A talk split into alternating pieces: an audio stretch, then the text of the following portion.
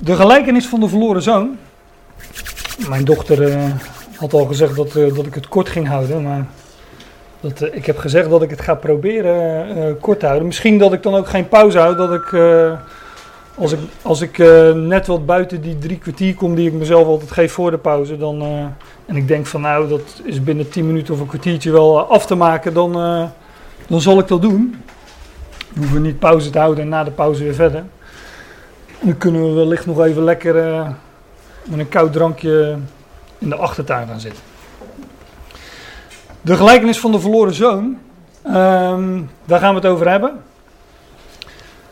Dat is een hele bekende gelijkenis. En het is ook eh, de, een gelijkenis uit, een reeks. Het is eh, inmiddels drie weken geleden dat we hier de eerste twee hebben besproken.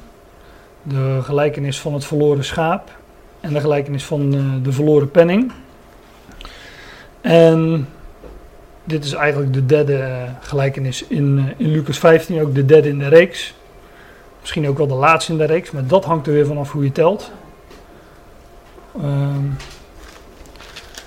want ik, ik zat wel door te lezen van de week in Lucas eh, 16. En daar staat dan, eh, dan, gaat, dan zijn dus die drie gelijkenissen ten einde van de, het verloren schaap, verloren penning en verloren zoon. En dan staat er boven Lucas 16 in mijn Bijbel de onrechtvaardige rentmeester, maar dat is ook een gelijkenis. En er staat er ook bij, en hij zei ook tot zijn discipelen, hij was een zeker rijk mens, dus eigenlijk gaat de Heer Jezus hier gewoon verder met het vertellen van, eh, van de gelijkenissen. Iets andere gelijkenis, gaat niet over iets dat eh, verloren is en weer gevonden wordt, maar eh, de gelijkenis van de onrechtvaardige rentmeester heeft wel de, er viel iets. Heeft wel degelijk eh, overeenkomsten met, met die van de verloren zoon. Maar daar hebben we het misschien nog over. Tenminste niet met deze ochtend, maar wellicht de volgende keer. Ik ben tussendoor op vakantie geweest. Dus ik heb voor mijn gevoel... Mijn gevoel is bedriegen, vaak. voor mijn gevoel is het veel langer dan drie weken geleden. Dus... eh, het leek mij ook goed om, eh, om die eerste twee gelijkenissen even door te lezen, door te nemen. Niet al te uitgebreid. Dus dat zijn die van het eh, verloren schaap en de verloren penning. En ik ga niet dunnetjes overdoen waar we het de vorige keer over hebben gehad. Maar wellicht wel eh, even, even wat dingen noemen, even wat dingen aanstippen. Even het geheugen opfrissen. Was het niet dat van jullie, dan wel het van mezelf. Ehm Lucas 15. Al de tollenaars en de zondaars nu kwamen bij hem om hem te horen. En de fariseeën en de schriftgeleerden morden onder elkaar en zeiden, deze man ontvangt zondaars en eet met hem. En hij sprak deze gelijkenis tot hen en zei, welk mens onder u die honderd schapen heeft en er één verliest, verlaat niet de 99 in de woestijn en gaat achter het verloren aan, totdat hij het vindt. En als hij het gevonden heeft, legt hij het vol blijdschap op zijn schouders. En als hij thuis komt, roept hij zijn vrienden en buren bijeen en zegt tegen hen: Wees blij met mij, want ik heb mijn schaap gevonden dat verloren was. Ik zeg u dat er evenzo blijdschap zal zijn in de hemel over één zondaar die zich bekeert, meer dan over 99 rechtvaardig, rechtvaardigen die de bekering niet nodig hebben. En dan die tweede gelijkenis.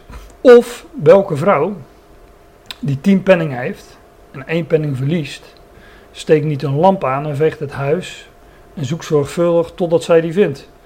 En als zij hem gevonden heeft, roept zij haar vriendinnen en buurvrouwen bijeen en zegt: Wees blij met mij, want ik heb de penning gevonden die ik verloren had. Zo zeg ik u, is de blijdschap voor de engelen van God over één zondaar die zich bekeert. Nou, heel eh, concreet, deze gelijkenissen, deze twee. Er is iets verloren. Er is dus een verloren deel. En er is een deel dat, eh, dat niet verloren is, dat niet kwijt is. En ehm, dat deel dat varieert dus. De ene keer is het één schaap van de honderd, de andere keer is het één penning van de tien. En in de derde gelijkenis is het zelfs eh één van de twee. Van de twee zonen. Maar belangrijk, belangrijker wellicht nog is dat er een, uh, een eigenaar is die dat verlorene zoekt. sterker nog, die dat verlorene vindt. Want hij heeft, hij heeft het, het is geteld, hè, er wordt elke keer een, uh, een aantal genoemd. En dat aantal dat, uh, dat wordt weer volgemaakt. Het wordt gevonden. Dus 100 schapen, die komen weer terecht. 10 penningen komen weer terecht. En uh, nou, de zonen komen ook weer terecht. Uh, ik heb deze dia nog even bij afgedrukt, omdat uh, de, op, de oppervlakkige betekenis, heb ik vorige keer ook gezegd, gaat gewoon over. nou, daar, daar, daar wordt ook elke keer mee afgesloten. Dat de blijdschap zal zijn in de hemel over één zondaar die zich bekeert. Meer dan over 99 rechtvaardigen die de bekering niet van nodig hebben of niet blijken nodig te hebben, of niet denken nodig te hebben, of uh, nou, enzovoort. Dat is natuurlijk de oppervlakkige betekenis. En zo eindigen al die gelijkenissen. Ook die van de verloren zoon eindigt uh, ongeveer zo. Zegt de vader tegen die andere zoon van kom binnen en wees blij met ons, want uh, je broer is gevonden enzovoort. Maar daar komen we dus nog op. Maar de aanleiding van deze gelijkenissen uh, daarom heb ik dat ook even, vorige keer ook gedaan, even losgemaakt van die, van die gelijkenis. Die eerste twee versen zijn de aanleiding van de gelijkenis. Aanleiding voor de gelijkenis. Dit is de, de, de gelijkenissen zijn van, die, van die verloren zaken. Zijn eigenlijk uh, een reactie op, op wat hier gebeurt. Namelijk dat tollenaren en zondaren bij Jezus kwamen om hem te horen. En dat fariseeën en schriftgeleerden, een andere groep dus, onder elkaar morden en, en, morden en zeiden, uh, deze man ontvangt zondaars en eet met hen. En als reactie hierop geeft de Heer Jezus die gelijkenissen waarin hij zegt van ja, uh, het is toch logisch dat het verlorene gezocht wordt. Want die fariseeën en schriftgeleerden, ja, die waanden zich natuurlijk niet verloren. Zij waren het, uh, het volk van God, en zij waanden zich rechtvaardigen en uh, alles buiten dat Joodse volk, dat waren uh, onrechtvaardigen. Zij die de wet niet hadden of uh, onbesnedenen, nou, noem, het, noem het allemaal maar op. in ieder geval, er was verschil tussen. En Jezus zegt van nou, die, jullie die 99 die, die al bij die kudde horen, die hoef ik niet te zoeken. Maar ik ben wel op zoek naar, naar, naar die zondaren tollenaars en zondaren in dit geval. Dus dat zijn, dat is al een wat diepere toepassing van die gelijkenissen. De ene groep zijn de fariseeën en de tollenaars. De fariseeën en schriftgeleerden. En de andere groep zijn de tollenaren en zondaren. Nou, vorige keer ben ik vrij uitgebreid erop ingegaan dat een kudde, een schaapskudde, in de schrift een beeld is van Israël. Ik ga het nu niet meer laten zien, dat heb ik vorige keer gedaan. En ik geloof dat ik één of twee teksten heb genoemd waar dat staat uit de profeet, uit Ezekiel meen ik. Maar dat kom je echt talloze keren tegen. Um, en we hebben het ook gehad over, uh, uh, over de schaapskooi. Hè, waar, wat ook een beeld is van Israël. En Israël dat verzameld zal worden in die schaapskooi. Ook in de toekomst het lastige is, is vaak met dit soort gelijkenissen, er worden verborgenheden in, uh, in verborgen. Maar dus ook, uh, uh, ook in verborgen opdat wij ze zouden ontdekken. het lastige vaak aan die, ehm, aan die gelijkenissen en aan die verborgenheden is dat het altijd meerdere aspecten heeft. En dat eh, ik denk dat dat voor ons, uh, maar dat spreek ik ook een beetje uit eigen ervaring, dat het voor ons westerse mensen vaak wat lastig is om associatief, een moeilijk woord, maar om associatief te denken. Wij denken vaak van dat staat voor dat en dat staat voor dat. Hè, het, is, uh, het ene is zwart, het andere is wit. Maar vaak zijn er ook nog wel wat, uh, zijn meerdere toepassingen, meerdere betekenissen. En dat komt omdat in de schrift telkens dezelfde principes worden herhaald. Weliswaar soms wat andere aspecten van die principes. Maar dezelfde principes worden gewoon telkens herhaald. En de makkelijk, makkelijkste om, dat aan te tonen is gewoon om, dat, te zeggen dat vrijwel iedereen in de schrift, oud-testamentisch, elke oud-testamentische figuur is bijna, bijna, een aantal na, zijn een type van Christus. Kijk, en als je zegt Adam is een type van Christus, dan uh, is het niet zo dat je niet kunt zeggen van Mozes is ook een type van Christus. Het is niet zo, de ene is al een type van Christus, dus kan de ander dat niet meer zijn. Nee, die dingen worden, die dingen worden continu herhaald. En dat uh, vinden we in gelijkenis ook. Die schaapskudde is een beeld van, van Israël. en in de toekomst zal, uh, laat ik zo zeggen, die want die schaapskudde is hier in tweeën verdeeld. Een deel dat verloren is, kwijt, zoek. En een deel dat bekend is, niet verloren. En dat deel van Israël dat, uh, dat niet kwijt is, zeg maar, die 99 schapen in dit verhaal, is een uitbeelding van de twee stammen, van Juda, van het Joodse volk.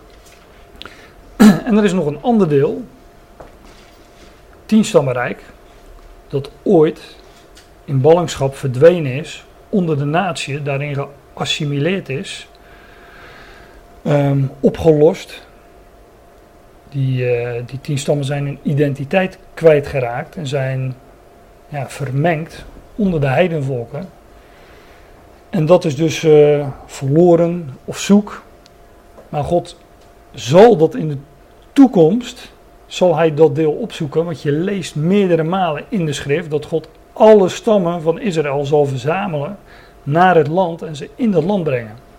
Nou, wij hebben geen idee, ja, dat is niet helemaal waar, maar wij hebben geen idee waar die tien stammen zijn. Tenminste, we kunnen het niet bewijzen waar ze zijn, maar God weet het wel degelijk. En God zal in de toekomst die twaalf stammen in dat land bijeenbrengen.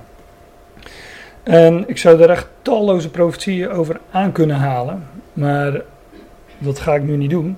Maar lees bijvoorbeeld maar eens in uh, Ezekiel 37, dat is een bekend hoofdstuk, het gaat over het dal van de dorre doodsbeenderen. Maar nadat visioen van het dal van die door de doosbenen, wat ook gaat over het hele huis van Israël dat weer zal herleven. Maar daarna wordt nog een soort, nog een beeld genoemd. Dan zegt God tegen de profeet, ik doe het even in eigen woorden, want als ik het bij ga zoeken dan, eh, dan zijn we voorlopig niet klaar. Maar dan zegt God tegen de profeet, neem twee houten in uw hand. In elke hand een hout. en dan eh, zegt God tegen de profeet, die twee houten zijn de twee huizen van Israël, namelijk die tien stammen, staat erbij, Jozef, Ephraim, tien stammen en Juda. En breng die bij elkaar, want ik zal het huis van Israël tot één huis maken. Dat gaat over de toekomst.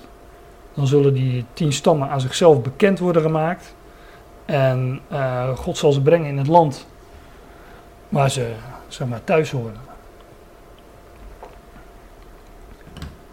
Maar de moeilijkheid, wellicht, ik weet niet of het moeilijk is, maar is dat in deze huidige tijd die tien stammen weliswaar verstrooid zijn onder de natieën, onder de heidenen, maar dus ook zich onder die heidenen bevinden. En als God zich nu een volk verzamelt uit de heidenen, dan doet hij dat dus ook uit die tien stammen. Je zou kunnen zeggen dat de naam, want de tien stammen worden vaak aangeduid met Ephraim. Je zou kunnen zeggen dat die naam Ephraim in deze tijd een synoniem is voor de natie. Ephraim bevindt zich onder de natieën. Ze zijn hun identiteit kwijt. Ze hebben geen flauw idee meer dat ze ooit behoord hebben tot het huis van Israël. Nou, en uit die natie verzamelt God zich een, uh, een volk en dat heet uh, de gemeente, de Ecclesia. Dus dat is ook een verborgen werk wat God, uh, wat God doet. In de toekomst zal hij, zal hij dat in het openbaar doen. Dan zullen ze, ja, weet ik veel, zal misschien wel op tv te zien zijn hoe, hoe die twaalf stammen dat, zich naar het land begeven. Want daar staat inmiddels die, is, die troon van David hersteld. Daar zit de Messias op de troon. En dan zullen die tien stammen naar zich, alle twaalf stammen, zo moet ik het zeggen, zullen alle twaalf stammen zich naar het land begeven. Maar op dit moment kennen die tien stammen hun identiteit niet meer. Ze zijn vervreemd van de burgerschap van Israël. Dat is op zich, eh, als je dat als je dat uh, afspiegelt tegen het Joodse volk, die, hebben, die zijn hun identiteit nooit kwijtgeraakt. Hè? Die, kunnen we, die, die, kunnen we zo aanwijzen. En wij weten dat dat zijn Joden. En die bevinden zich ook nog onder de natie, maar die hebben wel hun identiteit bewaard. Die zijn nog Joods, ze leven Joods. Uh, nou ja, en alles wat erbij hoort. Maar die tien stammen. Die, die, twee stammen. Ja, ja. Maar die hebben hun identiteit duizenden jaren bewaard. Zijn ook in ballingschap gegaan in Babel. Hè. We hebben het boek Daniel. We hebben het boek Daniel, waar Daniel en met zijn volk. Maar dat is het Joodse volk, dat zijn niet de twaalf stammen, dat is het Joodse volk, Juda. Waar Daniel zich in ballingschap begeeft, maar die zijn na 70 jaar weer teruggekeerd naar het land. Maar zij zijn niet, zij hebben altijd hun identiteit bewaard. En nu ook, iedereen weet dat er, eh, tenminste voor mij weet bijna iedereen, dat, er meer Joden in, eh, in de Verenigde Staten wonen dan, eh, dan in het Joodse land zelf. Dus nou die kunnen we zo aanwijzen. Die hebben hun identiteit bewaard. Maar die tien stammen, nou, die zijn gewoon opgelost onder de volkeren. En dat is vrij snel gegaan zelfs. Een paar decennia, misschien 100, 200 jaar. In ieder geval vrij kort als je dat uh, vergelijkt met hoe het uh, die, die twee stammen is vergaan.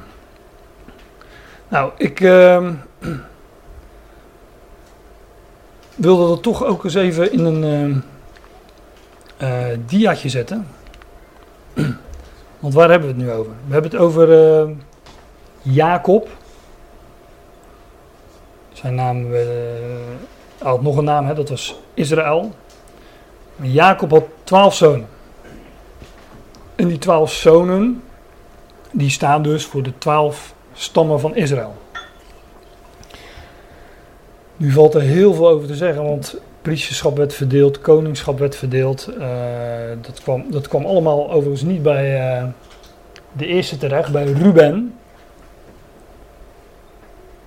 Want Ruben had iets gedaan wat zijn vader niet, uh, niet fijn vond. Maar daar gaan we het maar niet over hebben. De staten, ik zal het plechtig zeggen, maar volgens mij met de woorden van de Statenvertaler, hij had het bed van zijn vader bestegen. Mogen jullie er zelf bij invullen of opzoeken wat hij eh, nou precies gedaan heeft. Maar daardoor wordt hij. Uh, um, nou, daardoor werd hij dus uh, niet de eerstgeborene. Eerstgeborene overigens, dat moeten we ook leren, betekent niet altijd degene die het eerst geboren is. Het is degene die het eerste erft. En dat is in de schrift per definitie niet degene die het eerst geboren is. Maar ook dat heeft een betekenis. Maar Jacob kreeg twaalf zonen. Dit zijn ze. En. Nou ja, Levi kreeg het priesterschap, maar Juda is natuurlijk de stam van het koningschap en is de stam waar de Messias ook uit zou voortkomen. En dat is logisch, want de Messias zou de koning zijn die zijn koninkrijk kwam oprichten. Maar wie was de belangrijkste. Wie, wie kreeg het eerste geboorterecht onder de zonen van Jacob? Dat was Jozef.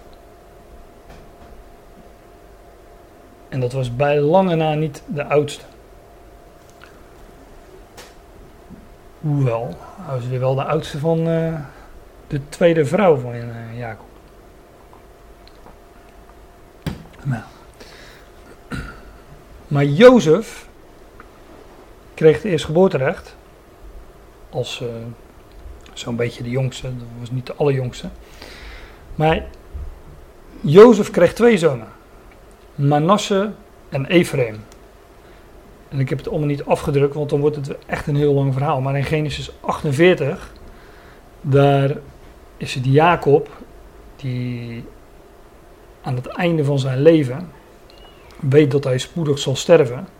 En aan Jozef vraagt om zijn zonen te halen, zodat Jacob hen de zegen kan geven, die eerstgeboortezegen. En dan lees je, lees maar na Genesis 48, dan lees je dat Jozef Manasse aan de rechterkant zet van Jacob, bij zijn rechterhand. rechts heeft voorrang. Christus is ook verhoogd aan Gods rechterhand, niet aan de linkerhand, maar rechts. En links, dat is altijd datgene wat achtergesteld wordt, daar komt Ephraim onder die linkerhand. Tenminste, daar zit Jozef zin in. Nou, wat doet Jacob dan? Die kruist zijn handen. En hij geeft Manasse de linkerhand en Ephraim de rechterhand. Dus hij geeft Ephraim voorrang op Manasse. Dus de jongere krijgt voorrang op de oudere. En hoe Jacob dat wist dat hij dat moest doen, God zou het hem rechtstreeks verteld kunnen hebben, maar misschien heeft hij wel teruggekeken in de familie, want Abraham was niet de oudste. Kreeg wel de belofte en de eerstgeboortezegen enzovoorts. Maar ja, Abraham kreeg twee zonen, Ismaël en Isaac. Ismaël was de oudste, maar Isaac, de jongere, kreeg de belofte en de eerstgeboortezegen. Isaac kreeg twee zonen, Esau, de oudste, en Jacob. Maar het was Jacob die de eerstgeboortezegen kreeg. Nou, dat zijn er een paar, maar we vinden dat nog veel vaker in de schrift. Bij Jacob werd het dus wat gecompliceerder, want hij kreeg veel meer uh, zonen. Maar ook nog eens twee vrouwen. Waarvan uh, de eerste Lea was, maar degene die hij begeerde, de meest gewilde, was Rachel. Dus datzelfde principe vind je telkens terug. nou, de, het tweestammenrijk, het de Joden zeg maar, Juda en Benjamin, die kregen dus dit gebied op zeker moment, dat is weer na de dood van Salomo, daar heb ik het vorige keer of de keer daarvoor even over gehad. En het tienstammenrijk, ook wel Israël genoemd, maar ook vaak in de profetieën, ik zal het straks een paar laten zien, Ephraim genoemd. Die kregen dit gebied. Dus die naam Ephraim, die ging mee met de tien stammen. En deze tien stammen, dit, dit, dit deel, die verdwenen onder de natie. Die werden dus in Assyrische ballingschap meegenomen. Uh, en ze verdwenen daar onder de natie, ze losten daar op. En toen later dus, in de tijd van de Heer Jezus en van handelingen, toen de Heer Jezus daar optrad, dan deed hij dat met name in Juda of Judea. En dit tienstammenrijk was daar niet op dat moment. Daar woonden, hebben we het ook over gehad, daar woonden inmiddels Samaritanen. En dat waren natuurlijk Romeinse provincies, omdat het land toen onder de heerschappij van de Romeinen stond.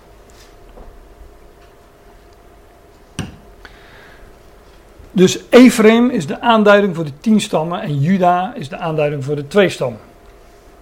Ephraim de meest prominente of dominante stam onder die tien stammen. Nou, waarom ik dat allemaal vertel, dat, uh, dat zal duidelijk worden als we die gelijkenis gaan bespreken. Want dit is de gelijkenis van de verloren zoon. En, daar, en die begint met een zeker mens had twee zonen. Kijk, jullie kennen allemaal deze gelijkenis. Daarom ga ik hem ook niet eerst helemaal lezen. Ik neem aan dat iedereen hem wel kent. Maar hij wordt meestal natuurlijk uh, toegepast in uh, evangelisatieprediking of evangelisatietoespraken. Maar dan begint men. Kijk, je kan die gelijkenissen daar wel voor gebruiken. Hè? En dan zegt men ja, um, wij zijn die zoon en die zoon die, uh, uh, die, die, leefde. Hoe staat het er? Uh, ook wel erg ver. nou, daar kom ik zo wel op. Maar die, die, die zoon die leefde dus uh, losbandig. Die ging, die ging erop uit en die leefde losbandig. En op een zeker moment komt hij tot zichzelf hij komt als bij wijze van spreken tot uh, bekering en hij gaat terug naar de Vader. Nou, dat zouden wij ook moeten doen. Of dat de, de prediking aan ongelovigen is, dat, zou, ja, dat zouden wij ook moeten doen. Maar dat begint de gelijkenis niet, want de gelijkenis begint hier. Een zeker mens had twee zonen. Dus in de oorsprong waren die twee al zonen van die mens. Nou, we hebben nu al wat gelijkenissen gehad. Die zekere mens is in de schrift altijd, in de gelijkenissen altijd God of Christus. Of beide. Hè. Dat, dat, dat is ook al niet los van elkaar te maken, omdat Christus een beeld is van God. Maar een zeker mens had twee zonen. Nou ja, dat principe, als je in Lucas 15 aangekomen bent, ik noemde net wat uit Genesis, dat, dat, dat, meteen aan het begin van de schrift vind je dat. Een zeker mens had twee zonen. En of het nou Abraham, Isaac of Jacob is. Jacob had er wat meer, maar de, degene die later in de schrift genoemd worden, ja, dat zijn, eh, dat zijn Juda en Ephraim met name. Om die twee draait het. Dat zijn die twee zonen. En die worden dus ook uitgebeeld in al die andere zonen. Zeker mensen, God had, God had twee zonen. Hier, hier wordt het twee zonen genoemd. Maar we vinden, we vinden, we vinden het ook uh, in de schrift benoemd als twee huizen. Twee huizen van Israël namelijk. Zeker mensen had twee huizen, had ook een uh, gelijkenis kunnen zijn. Hier is het, hij had uh, twee zonen. Nou, ik zal het schriftplaatsen laten zien waar we dat, waar we dat tegenkomen. Waar we bijvoorbeeld waar we Ephraim genoemd vinden. Ik ben Israël tot een vader. Dus is Israël een zoon. Toch? Maar ik zei al, um, ja, dat, dat is soms wat lastig, maar die tien stammen die worden soms aangeduid met Israël en soms met Ephraim. Juda is uh, altijd Juda, de twee stammen. Maar soms is het Juda tegenover Israël en soms is het Juda tegenover Ephraim. Nou, als je het eenmaal weet is het niet moeilijk meer. Maar soms is ook weer Israël de aanduiding voor alle twaalf stammen. Dat maakt het soms wat lastig. Maar hier gaat het over, ik ben Israël tot vader en of namelijk Ephraim, mijn eerstgeborene is hij. Dat is letterlijk zo. Vinden we in Genesis. Maar de diepere toepassing, de overdrachtelijke toepassing, de tien stammen, het eerstgeboorterecht bevindt zich dus onder die tien stammen. Hoor het woord van de Heere heidenvolken. Zie je, er wordt in één adem ook genoemd met de heidenvolken. Verkondig het in de kustlanden van ver weg en zeg: Hij die Israël verstrooid heeft, zal het weer bijeenbrengen. En het hoeden zoals een herder zijn kudde hoedt. Volgens mij had ik deze tekst vorige keer niet eens bij, maar hier gaat het dus ook over een, kudde en een herder. En die, een deel van die kudde, dus dat ene schaap, is verloren. Maar hij die dat deel verstrooid heeft, want dat heeft God zelf gedaan, zal het weer bijeenbrengen. En het hoeden zoals een herder zijn kudde hoedt. Het wordt dus bijeengebracht in Bosra. Daar, uh, Bosra. Daar hadden we het vorige keer over, over Petra en Bosra. De schaapskooi. Kijk, hier vind je die twee uh, mooi tegenover elkaar. In, uh, dit is gewoon verderop in uh, Jeremia 31. Ik had heel het hoofdstuk van Jeremia 31 wel kunnen lezen, maar het is een lang hoofdstuk. Maar dat gaat over het oude en nieuwe verbond. Ik, we hadden het net over die twee zonen. Hè? Hoe God elke keer um, de oudste eigenlijk achterstelt en de jongste verkiest en die stelt tot eerste erfgenaam, namelijk tot eerstgeborene. Maar dat is eigenlijk een principe wat we, dat zei ik al, telkens terugvinden in de schrift. Ik heb net al die namen genoemd uit Genesis, maar wat dacht je van eerste Adam, laatste Adam? Hetzelfde principe. God neemt het één weg om het ander te stellen. En dat vinden we in Hebreeën. God neemt het, het, het, het, het eerste weg om het tweede te stellen zo ook met het oude verbond, nieuwe verbond. Deze hemel en aarde, nieuwe hemel en aarde. Ziet er komen dagen, spreekt de Heer, spreekt Jawel, dat ik met het huis van Israël en met het huis van Juda, de twee huizen dus, een nieuw verbond zal sluiten. Nou, lees Jeremia 31 uh, maar eens door. dat is overigens ook apart, want Jeremia trad op onder de twee stammen. Maar hij heeft het in dit hoofdstuk over Ephraim, over die tien stammen. Hosea 7, vers 8. Ephraim vermengt zich met de volken. Kijk, daar staat het gewoon letterlijk.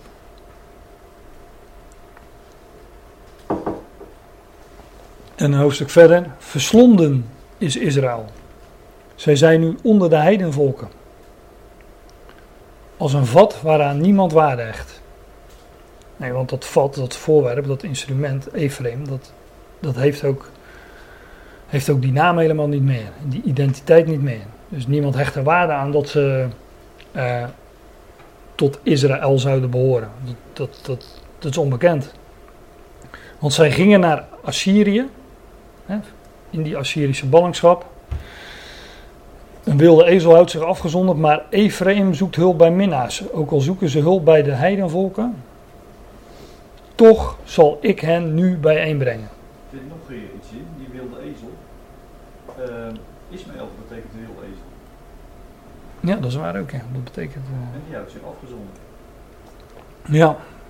Het is maar. Uh, ja. ja. Ja. Ja. Die. Die bewaren we voor een andere keer. Uh, hè? Maar hier kom je dus uh, Ephraim, Israël, Juda tegen als de, de twee huizen van, uh, van Israël. En er wordt ook gezegd, ze zijn verstrooid, ze zijn onder de heidenvolken, maar God zal ze bijeenbrengen. God zal ze weer vinden. Nou, die, een zeker mens had twee zonen. En de jongste van hen zei, letterlijk staat er die jongere.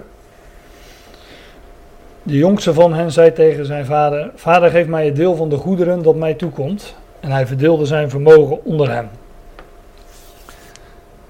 Nou, die oudste zoon, dat is uh, twee zonen. De oudste is Juda. Die komen straks ook gaan tegen in het verhaal.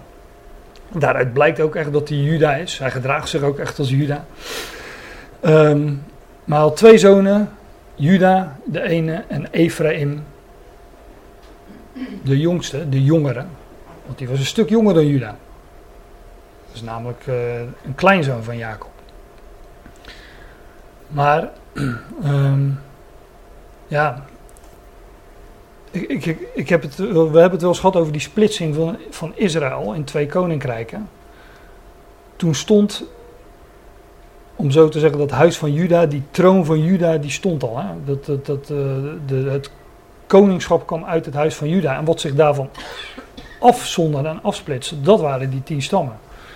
Dus Juda is ook in die zin ouder dan Ephraim. Of dan, Juda is ouder dan Israël. Het tweestammenrijk is ook ouder dan het tienstammenrijk, om het zo te zeggen.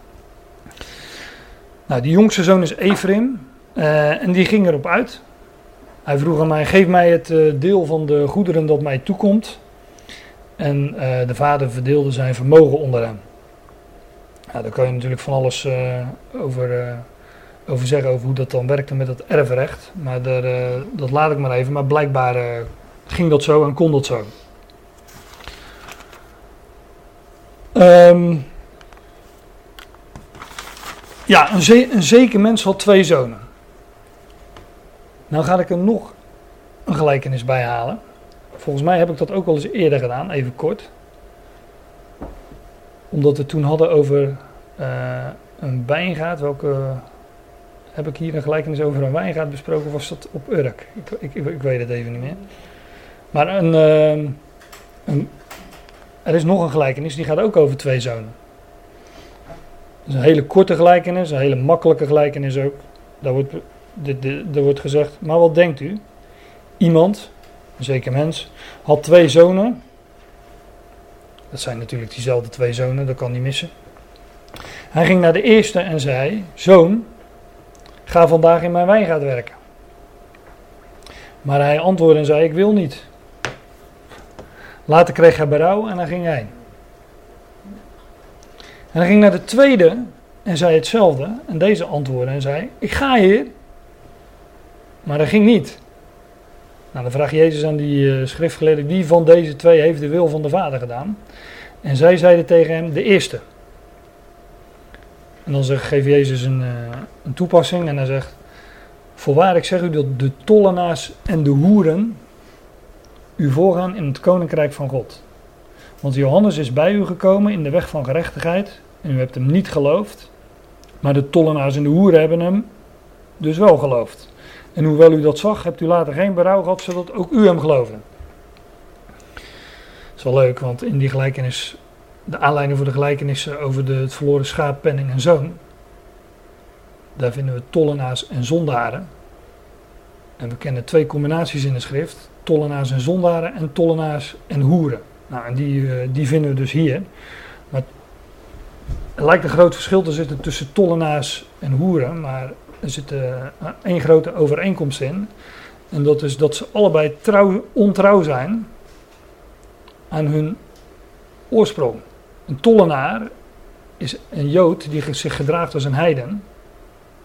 Een Israëliet die zich gedraagt als een heiden, want hij incasseerde belasting voor de Romeinen, voor de vijand dus.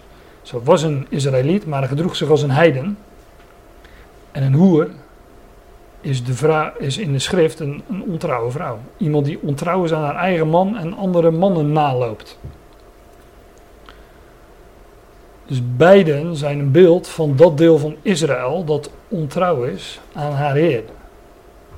Nou, dat principe wordt hier in deze gelijkenis, moet daar naartoe wijzen, wordt in deze gelijkenis ook, ook beschreven. Iemand had twee zonen en die, die, die vader zegt, ga in mijn wijngaard werken. Wijngaard, ja, dat is, dat is een beetje lastig met uh, gelijkenissen. Altijd kom, krijg je enorm veel typologie voor de kiezen. Maar een wijngaard is de belofte van wijn. Daar worden druiven verbouwd en die beloven wijn, om het zo te zeggen. Soms is de wijngaard een beeld van Israël. Uh, het is in ieder geval een beeld van het nieuwe verbond, van de beloften. Nou, God zei tegen die twee zonen: Ga in mijn wijngaard werken. Want het volk Israël was een priesterlijk volk en zij waren de woorden van God toebetrouwd. En ze zouden in die wijngaard werken. Nou, de een zegt ik wil niet. En die deed het later toch. En die andere zei, al wat God gesproken heeft, dat zullen wij doen. En ze deden het niet. En ook hier is degene die niet, die zei van wij gaan dat doen, is een uitbeelding van het Joodse volk. En dat, die het zeiden van ik wil niet, maar het later toch gingen doen, zijn een uitbeelding van die tien stammen. Want in het boek Koningen, na de splitsing van die twee rijken, van die twee koninkrijken, na Salomo, in tien en twee stammen, vind je een hele reeks koningen van beide huizen Israëls, van Juda en Israël, of Juda en Ephraim. En van Juda uh, lees je af en toe nog dat er een, uh, dat er een, een deel was, dat een, een, koning was die wel deed wat recht was uh, in de ogen des Heren. Maar van Israël, tien stammenrijk, lees je, dat, lees je nooit dat er een koning was die deed wat recht of goed was in de ogen des Heren. En dat is ook de reden dat ze zijn weggevoerd. Maar je zou kunnen zeggen dat later, toen uit Ephraim, de, toen ook uit die tien stammen de gemeente werd verzameld, ja, dat ze dan wel degelijk doen wat uh, de vader gevraagd heeft. Nou, dit zijn dus ook uh, twee zonen. Uh, in een wat, wat kortere gelijkenis en daardoor wellicht ook wat, wat makkelijker, omdat het wat minder details heeft. Maar het spreekt van hetzelfde.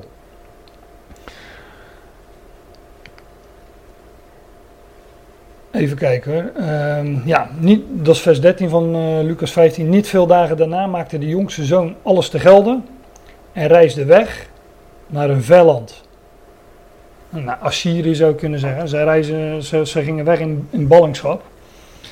Ze reizen naar een ver land, werden daar verstrooid onder de natie. En, en, en hier staat dan, hij verkwiste daar zijn vermogen in een losbandig leven.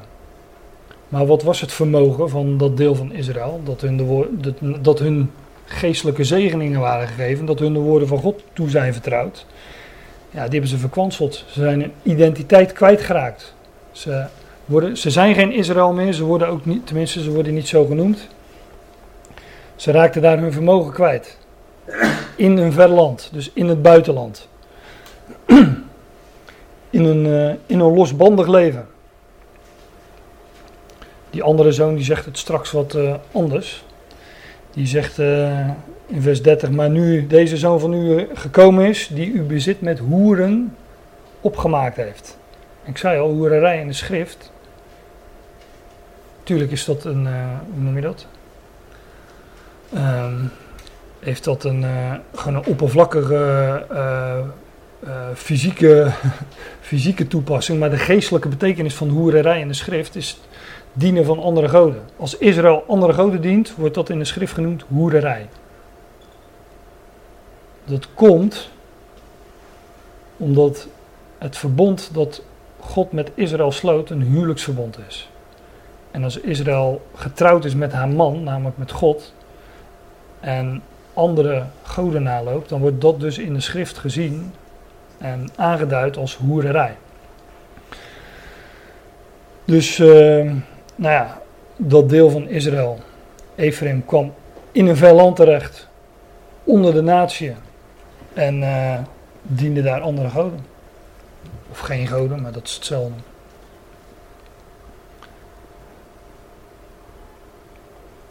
Niet veel dagen daarna maakte de jongste zoon alles te gelden, reisde weg naar een ver land en verkwiste daar zijn vermogen in een losbandig leven. Toen hij er alles doorgebracht had, kwam een zware hongersnood in dat land en begon hij gebrek te lijden. Ja, daar is tekort aan, uh, aan geestelijke goederen. En hij ging heen en voegde zich bij een van de burgers van het land en die stuurde hem naar zijn akkers om de varkens te weiden. En hij verlangde ernaar zijn buik te vullen met de schillen die de varkens aten, maar niemand gaf hem die. Dus hij werd één met de burgers van dat land. He, werd Ephraim, Israël, tien stammen, werd één met de natie, met de burgers van dat land, dat verre land, ver weg. Uh, en uh, kwam terecht op, uh, op de akkers van, van de natie. Ja, om de varkens te weiden. Maar we weten allemaal dat voor een Jood niets onreiner is dan een, een varken. Moet een hond zijn, maar ik denk dat de varken dan. ik denk dat de varken dan toch op één staat. Dus ik, de Israëliet, die weggezonden werd naar dat verre land, die verloor dus echt al zijn principes. En zijn identiteit. En uh, ja, verloor zijn principes en daarmee dus zijn identiteit. Want de identiteit van Israël bestaat juist uit uh, de, de, Torah, de, de, principes die daarbij horen, nou, enzovoort. En hier uh, wordt, wordt die, die zoon, één met de burgers van dat land. En en komt terecht bij de varkens. Bij onreine dieren. Ze werden dus als de heidenen. Ze werden als de natie. Ja, en daar is, daar is tekort. En na, nadat hij tot zichzelf gekomen was, zei hij: Hoeveel dagloners van mijn vader hebben brood in overvloed en ik kom om van de honger? Nadat hij tot zichzelf gekomen was. Ik was net in. Uh, Jeremia 31. Dat is echt een belangrijk hoofdstuk. Lees dat later nog eens rustig door. Maar daar staat dit.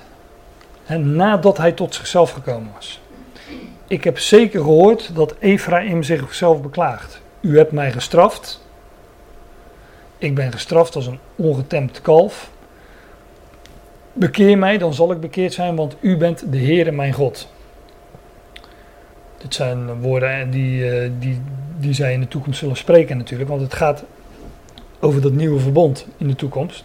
Want nadat ik bekeerd was, heb ik berouw gekregen nadat ik met mijzelf bekend ben gemaakt.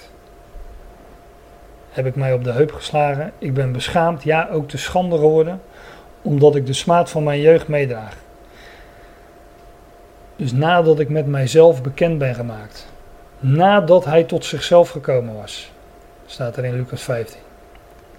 Nadat ik met mijzelf bekend ben gemaakt. zijn bijna dezelfde woorden. En dan in vers 20, zegt, daar spreekt Jawel dan zelf. Hè, is Ephraim voor mij niet een dierbare zoon? Is hij niet voor mij een lievelingskind? Troetelkind, zeggen andere vertalingen. Ja, het was de eerstgeborene. Dus aangesteld tot uh, eerstgeborene. Want zo dikwijls als ik tot hem spreek, denk ik nog voortdurend aan hem. Daarom is mijn binnenste bewogen over hem. Ik zal mij zeker over hem ontfermen, spreekt de Heer. Voor de fijnproevers zeg ik uh, dit nog erbij. Ik zal mij zeker over hem ontfermen. Rugama. Woorden uit, uh, uit Hosea. Daar gaat het over precies hetzelfde. Daar gaat het ook over Juda en Ephraim of Juda en Israël. En het zijn woorden die Paulus in Romeinen 9 aanhaalt en toepast op ons, gelovig uit de natie. Dus een profetie over Ephraim noemt Paulus in Romeinen 9 en hij past dat toe op de natie. En lees maar na in Hosea, daar gaat het echt over Israël en Juda tegenover elkaar. Die twee huizen van Israël en de profetie over die tien stammen haalt Paulus aan in Romeinen 9 en dan zegt ja dat gaat over ons gelovig uit de natie. Dat klopt ook, want Ephraim is verdwenen onder de natie. Dus je, die lijn die vind je gewoon ook niet alleen in het Oude Testament en in de gelijkenissen, maar ook bij Paulus vind je die weer terug. Nadat ik met mijzelf ben bekendgemaakt. Nadat hij tot zichzelf gekomen was, zei hij: Hoeveel dagloners of huurlingen van mijn vader hebben brood in overvloed en ik kom om van de honger? Ja. Dat, dat, uh, die, die, die, dagloners of huurlingen, die zijn wellicht een beeld van, uh, ook van ons geloof uit de natie. En wij zijn van oorsprong geen zonen, maar wij worden wel tot zoon gesteld. Wij verkeren wel in het huis van de Vader en wij hebben brood, namelijk woord, leven, in overvloed. Nou, hij kwam daarom van de honger. En dan zegt hij: Ik zal opstaan en naar mijn vader gaan. En tegen hem zeggen: Vader, ik heb gezondigd tegen de hemel en tegenover u, en ik ben het niet meer waard uw zoon genoemd te worden. Maak mij als een van uw dagloners. Ik zal opstaan. Dat is altijd een, een uitbeelding van, ja, van opstanding. Van het, van, van de, het gaat hier over de bekering van die, uh, van die zoon. In de, in de toekomst, dan zal dat volk opstaan. Het zal tot leven komen. En, en terugverzameld worden tot, uh, tot de vader. En hij zegt dan ook: Vader, ik heb gezondigd tegen de hemel en tegenover u. Daarmee weten we toch ook meteen waar die vader een beeld van is. Ik heb gezondigd tegenover de hemel en tegenover u. Dus die vader is een beeld van God. Ik ben het niet meer waard uw zoon genoemd te worden. Maak mij als een van uw dagloners. Hij had zijn, uh, hij had zijn rechten verspeeld. Hij had zijn naam verloren, was geen Israël meer. En daarmee vond, uh, vond hij ook dat hij het niet waard was om, om zoon van de vader genoemd te worden. Maak mij als een van uw dagloners. En hij stond op, opstanding. Dat vind je zo vaak in de Bijbel. Jozua stond s morgens vroeg op. Nou, hier ook, uh, deze zoon staat op. Het gaat altijd over dat moment, over het moment van bekering, natuurlijk gebaseerd of gefundeerd op de opstanding van Christus op de derde dag. Hij stond op en ging naar zijn vader. En toen hij nog ver van hem verwijderd was, zag, hij, zag zijn vader hem en deze was met innerlijke ontferming bewogen. En hij snelde hem tegemoet, viel om de hals, viel hem om de hals en kuste hem. Hij stond op en ging naar zijn vader en toen hij nog verre van hem was, verre van hem verwijderd was, dat verre, ik, ik, daar, daar had ik ook eh, een aantal schriftplaatsen van kunnen laten zien, maar ook dat vinden we bijvoorbeeld in Jeremia 31, zij die daar verre zijn, ook dat gaat altijd over, uh, ja, over, uh, over dat deel van Israël onder de natie. Petrus is het, meen ik, in handelingen 2 of 3, die zegt: U komt de belofte toe en u en uw kinderen en zij die daar verre zijn. Nou, dat gaat altijd over een deel van Israël in de verstrooiing. Ze waren verre.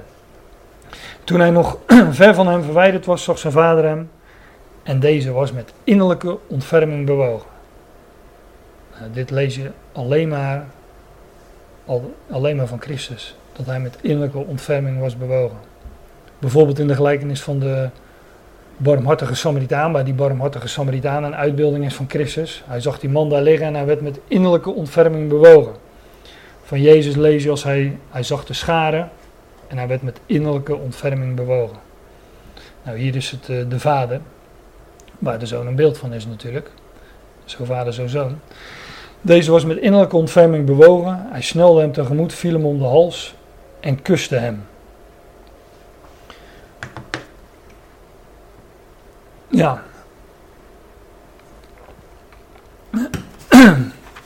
Het, ja, de, de, iemand om de hals slaan, hè, dat, dat, dat duidt sowieso al op gemeenschap, op eenwording. En een, en een kus is dat ook. Maar hier is het natuurlijk ook nog eens een uitbeelding van, van een uh, onverdiende gunst. Want dat, dat zegt die, uh, dat zegt die zoon zelf. Hè, dat hij, uh, ik ben het niet meer waard uw zoon genoemd te worden. Hij was het niet waard. Hij was het niet waardig. Maar, dat is, maar die vader is genadig. Die en, ja, juist degenen die het niet waard zijn, die ontvangen het. Kijk, en dat hele verhaal van die tien stammen, dat zal in de toekomst in de openbaarheid gebeuren. Maar nu in het verborgene verzamelt God zich ook een volk uit die natie, waartoe, uh, waaronder Ephraim is. En um, ook dat is onverdiende gunst. Dat wij door hem, onze, dat, dat onze ogen door hem geopend zijn, dat hij ons in onze armen heeft gesloten en ons kust en uh, ons om de hals valt, dat is onverdiende gunst, dat is genade. En genade is, dat zoekt het, dat zoekt het laagste punt. Dat zoekt juist degene die dat niet verdienen. Lees 1 Korinthe 1 maar, hè, niet vele machtigen, niet vele, onder jullie zijn niet vele machtigen, zegt Paulus tegen de Corinthiërs, niet vele edelen, niet vele, uh, nou in ieder geval stel dat je dat niet deugt. Maar dat zoekt genade. Maar nu zeg je bij die die laatste en hij snelde het tegemoet. Mm -hmm. Dat dat de zoon is die naar de vader ging. Nee, het is de vader die naar de Ja, zoon gaat. Ja, ja, ja. ja, ja. Maar omdat jij zei, die kus die hij hem geeft, Mhm. het is de vader die de zoon kust. En jij zei volgens mij net, dat de kus dan is eh, Mhm.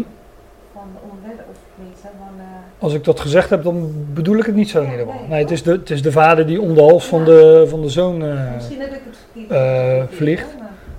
die, om de, om de, de vader die Ja. om de hals van de zoon valt en, eh, en hem kust. Is, komt er pauze of. Ik ken een liedje met vier kleutertjes op een hek of zo. Die zitten nu op de trap. Nee, ik, ga nog, eh, ik ga nog heel even verder. Dus, eh, Maar ik vind het fijn dat jullie ook komen luisteren, dat wel. Gaan we het erna doen? Ja, Nee, ik heb honger. Geduld. Slecht bedoel ik. nog heel even Fem. En, en hoe langer jij het woord neemt, hoe langer het gaat duren. Dat is natuurlijk ook zo. Nee. Hij stond op en ging naar zijn vader. En toen hij nog ver van hem verwijderd was, zag zijn vader hem. En deze was met innerlijke ontferming bewogen. Hij snelde hem tegemoet, die vader. En de vader viel hem om de hals en kuste hem.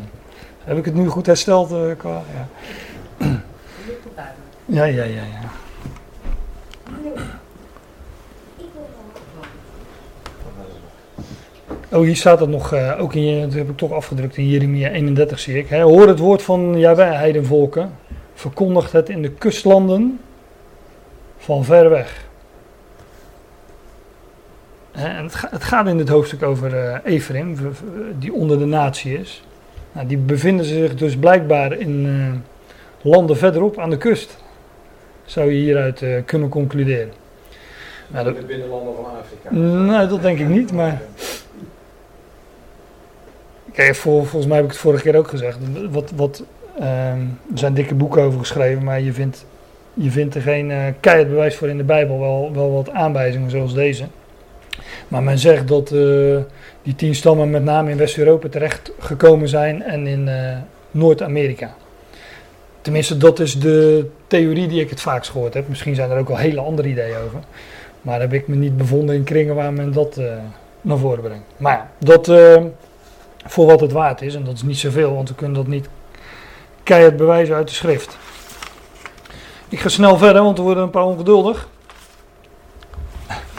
En de zoon zei tegen hem, dan gaat hij zijn verhaal tegen de vader houden, wat hij zich eh, voorgenomen had. Vader, ik heb gezondigd tegen de hemel en tegenover u. Ik ben niet meer waard uw zoon genoemd te worden. Maar de vader zei tegen zijn dienaren. Dus die zoon eh, vond zelf niet dat hij eh, het waard was om als eh, zoon behandeld te worden. Maar de vader gaat hem wel als, als zoon stellen of herstellen in die positie. De vader zei tegen zijn dienaren: Haal het beste gewaad tevoorschijn, trek het hem aan, geef hem een ring aan zijn hand en sandalen aan zijn voeten. Nou ja, ik zei al, je krijgt altijd typologie voor je kiezen, maar het beste gewaad, dat, het afdoen van een kleed of gewaad en het aandoen van iets nieuws, het beste gewaad, is altijd een uitbeelding van, eh, ja, of van dood en opstanding of van heerlijkheid, wat men ontvangt. Maar ook daar zitten veel overeenkomsten in natuurlijk. Haal het beste gewaad tevoorschijn, trek het hem aan, geef hem een ring aan zijn hand, een sandalen aan zijn voeten. Nou, een gewaad en sandalen of schoenen in de schrift altijd uitbeelding van een positie, hè, van heerlijkheid, een nieuwe positie. De schoenen waarin je gaat staan, ja, Jozef inderdaad. Volgens mij had ik daar nog een dia van, laat ik dat dan gelijk mee doen. Toen nam Farao zijn ring van zijn hand en deed hem aan Jozefs hand. En nadat Jozef verkocht was door zijn broers, in de gevangenis terecht was gekomen, daar de droom had uitgelegd en uiteindelijk verhoogd werd aan het hof van Farao, gaf Farao hem zijn ring aan zijn hand. Farao gaf hem uh, ja, eigenlijk de autoriteit van, uh, van zichzelf. Uh, zoals de vader de autoriteit geeft aan Christus, want daar is natuurlijk een beeld van. Farao deed hem een ring aan zijn hand, deed hem aan Jozefs hand. Hij liet hem kleren van fijn linnen aantrekken, dus zo wordt ook omgekleed. Krijgt ook een ander kleed, nieuwe heerlijkheid. Nou, hier krijgt hij een gouden keten, een gouden ketting om zijn hals. En, uh, maar ja, zo'n ring. Met, met, met, met die ring. Uh, Mordechai kreeg ook, uh, geloof ik, de ring van, hoe heet die man? Ha Haman. En die, nou, die andere, de baas daarvan kan ik even niet opkomen. Maar die, die ring, dat is ook wel mooi, daar werd een afdruk mee gemaakt. Hè? Onder, onder documenten. En die ring was de afdruk van de koning. De, het logo van de koning. Logo, logos. Christus is de logos, het beeld van God.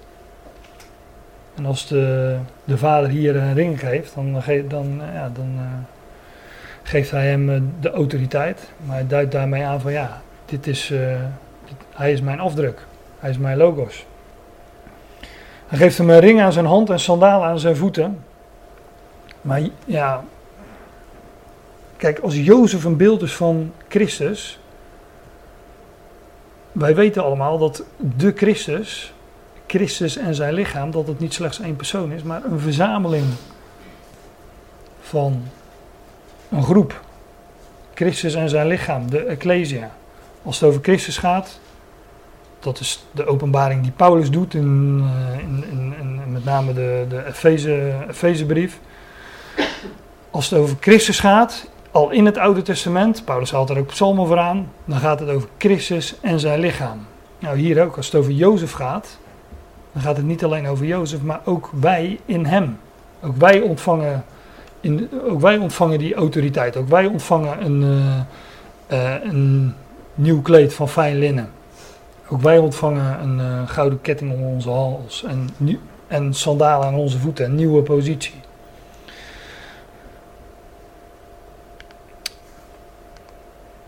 Haal het beste gewaad tevoorschijn, trek het hem aan, geef hem een ring aan zijn hand en sandalen aan zijn voeten en breng het gemeste kalf en slacht het. Laten we eten en vrolijk zijn. Ja. Net als die koninklijke bruiloft waar we het wel eens over hebben gehad. Feest, uitbeelding van het nieuwe verbond. Die sandalen, dat is natuurlijk even te denken, want je hebt die twee, de een zegt uh, ik wil niet. Ja. Dan komt het berouw en gaat. En de ander zegt ik ga hem, die gaat niet. Maar die sandalen, daar liet hij misschien om uit te trekken? Realiseren? Ja, ik weet het niet. In ieder geval. In ieder geval. Komt ook bijvoorbeeld bij, uh, bij Boas, uh, bij ja. ja. Ja, dan draagt hij het lossenschap over aan de ander en als teken daarvan werd een sanda sandaal aan de ander. Want jij, staat, jij, jij komt nu in mijn schoenen te staan. Jij neemt mijn positie over als losse. Uh, en dat zien, we, dat zien we ook bij Johannes de Doper. Die zegt van, ik ben het niet waardig om, hoe zegt hij het precies? Zijn schoenriem die, na, die na mij komt. Die, uh, ja. Nou, misschien eens een keer bijbelstudie houden over uh, schoenen en sandalen. Breng het gemeste kalf, slacht het, laten we eten en vrolijk zijn, want deze mijn zoon was dood en is weer levend geworden. En hij was verloren en is gevonden. Weet je meteen wat verloren is? Toch? Dood.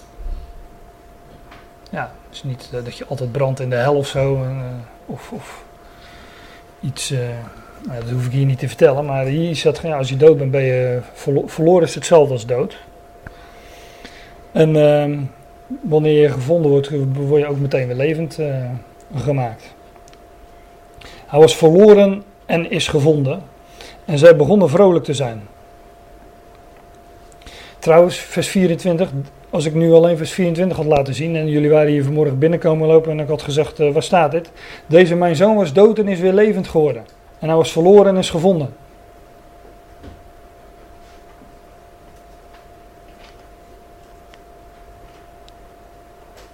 Ja. Zegt Jacob toch ook van Jozef, zo ongeveer?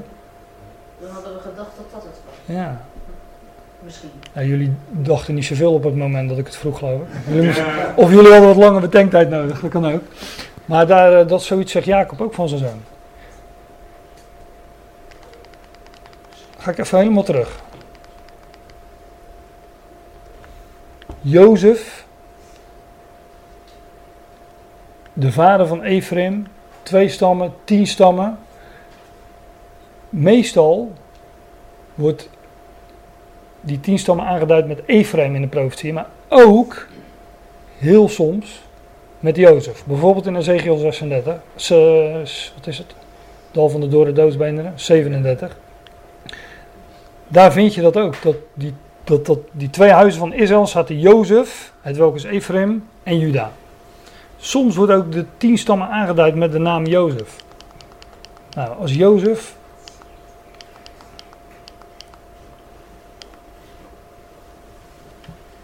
Deze mijn zoon was dood en is weer levend geworden. En hij was verloren en is gevonden. Dan gaat het over die tien stammen verstrooid onder de natieën. En God gaat ze vinden. Nu, wel, nu zijn ze weliswaar dood. Ze hebben die naam niet meer, die identiteit niet meer. Nee, maar God gaat, God gaat ze vinden. En datzelfde wordt van Jozef gezegd. Dus dan weet je meteen ook waar Jozef een, eh, een uitbeelding van is. Maar dat is wel een, eh, een steekje dieper, zeg maar. Nou, ze begonnen vrolijk te zijn.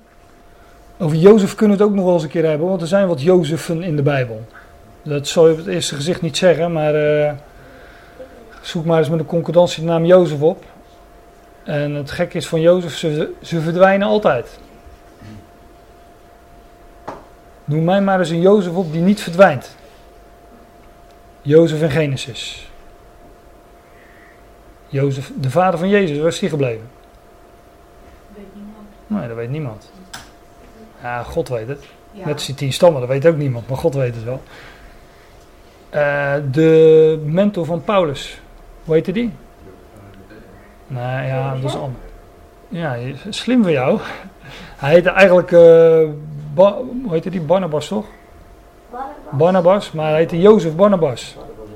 En ook die verdween, want Paulus kwam daarvoor in de plaats. In het begin zie je Barnabas, die Paulus meeneemt, achter de coulissen vandaan. En op een gegeven moment verdwijnt juist die Jozef Barnabas. Ach, die verdwijnt juist en Paulus komt steeds meer naar voren. In Handelingen 1 zegt men van ja, nu is Juda, Judas is weg. Nu moeten wij een nieuwe, eh, nieuwe apostel hebben om die twaalf aan te vullen. Dan worden twee, worden, eh, er wordt er uit twee gekozen.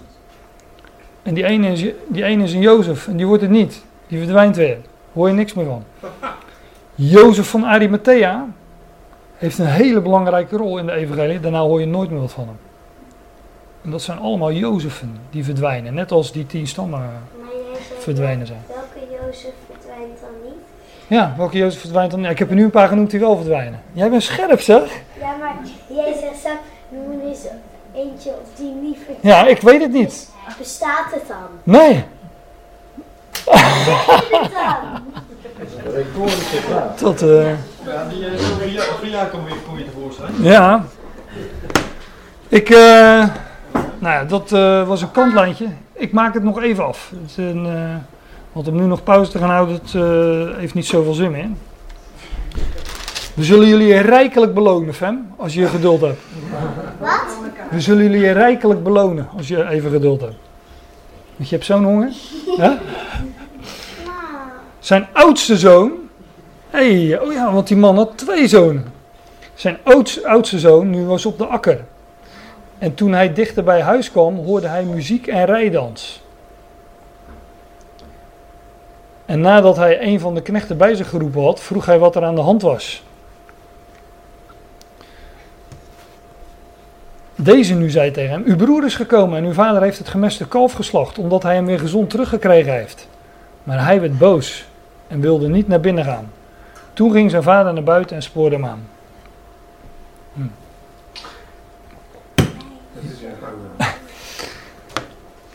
Die oudste zoon, want de, de, vader had twee zonen. We weten wie die jongste, jongere zoon is. Hè, dat is uh, dat deel van Israël dat, er, uh, dat uh, verdween naar een ver land. Maar die oudste zoon, ik zei al, die is nooit weg geweest. Die is bij de vader gebleven. En is een uitbeelding van het Joodse volk. En die hoorde muziek en rijdans. Dat is dansen, ja, dat zegt het al, rijdans. Maar nadat hij, hij vroeg wat er aan de hand is. Maar als hij dan hoort wat er aan de hand is, wordt hij boos. En hij wilde niet naar binnen gaan. Ook weer Paulus, ik had net over Romeinen 9, dit is Romeinen 10. Maar ik zeg dan, heeft Israël het niet begrepen? Ten eerste is het Mozes die zegt, ik zal u jaloers maken door wat geen volk is. Ga, ga even spelen, roepen jullie wel? ik zal, jullie, ik zal u jaloers maken door wat geen volk is. Namelijk een volk wat hun identiteit al kwijt was geraakt.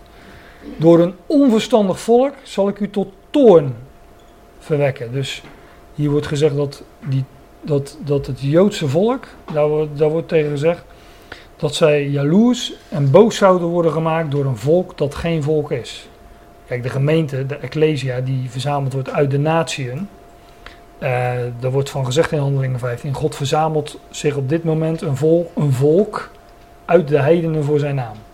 Maar ja, eigenlijk is het geen volk natuurlijk. Het is maar een, uh, een samenraapsel van een, uh, van een zootje ongeregeld, laat ik het maar gewoon zo zeggen. Ja, het is uit al die naties plukt God hier en daar, neemt hij er een en die, die, brengt hij, die brengt hij in, in één lichaam, het lichaam van Christus. En dat wordt, dat wordt ook een volk genoemd. Maar voor, ja, naar Joodse begrip is dat natuurlijk geen volk. Ik zal u jaloers maken door wat geen volk is. Door een onverstandig volk zal ik u tot toon verwekken. Nou, ook dit zijn aanhalingen van profetieën, daar ga ik maar even aan voorbij. Maar hij, die, die oudste zoon, antwoordde en zei tegen zijn vader: Zie, ik dien u nu al zoveel jaren en heb nooit uw gebod overtreden. En u hebt mij nooit een bokje gegeven om met mijn vrienden vrolijk te zijn. Zie, ik dien u nu al zoveel jaar. Ik heb nooit uw gebod overtreden. Dat is gewoon een uitbeelding van de wet. Het Joodse volk onder de wet hebben altijd netjes de wet gehouden. Tenminste, altijd. Maar dat in ieder geval uh, hebben ze hun best gedaan. Dat zegt ik, dien u nu al zoveel jaar, heb nooit uw gebod overtreden. En u hebt mij nooit een bokje gegeven om met mijn vrienden vrolijk te zijn. Nu hebben godsdienstige mensen ook meestal niet zoveel reden om vrolijk te zijn, maar dat uh, terzijde. Nou, weet je, leven altijd onder het oordeel van die wet. Maar nu deze zoon van u gekomen is, die u bezit met hoeren opgemaakt heeft, hebt u voor hem het gemeste kalf geslacht. Ik denk altijd, hoe wist hij dat? Als ik het lees. Maar het wordt niet tegengesproken, dus het zal al. Maar inderdaad, hij was onder de hoeren. Onder de volkeren die eh, andere goden naliepen. En nu hebt u voor hem het gemeste kalf geslacht. En hij zei tegen hem: Kind. Weet niet of, of dat er letterlijk staat, misschien is dat ook wel zo. Zoek op. Kind, jij bent altijd bij mij en al het mijn is van jou. Wij zouden dan vrolijk en blij moeten zijn, want deze broer van jou was dood en is weer levend geworden. En hij was verloren en is gevonden. Nou, en zo eindigen dus ongeveer, zo ongeveer eindigen alle drie die gelijkenissen over het verlorene dat weer gevonden wordt. Nou, hier gaat het om die twee zonen. En uh, ik hoop daarmee een beetje duidelijk gemaakt te hebben wat, uh, wat die twee zonen uitbeelden. En uh, de vorige keer dan het schaap en, en de penning. Maar inderdaad, het verlorene wordt altijd gezocht. En ja, daar, daarom hebben wij in ieder geval alle reden om, om blij te zijn. Maar voor nu gaan we het hier maar bij laten, want het is de hoogste tijd, is al gebleken.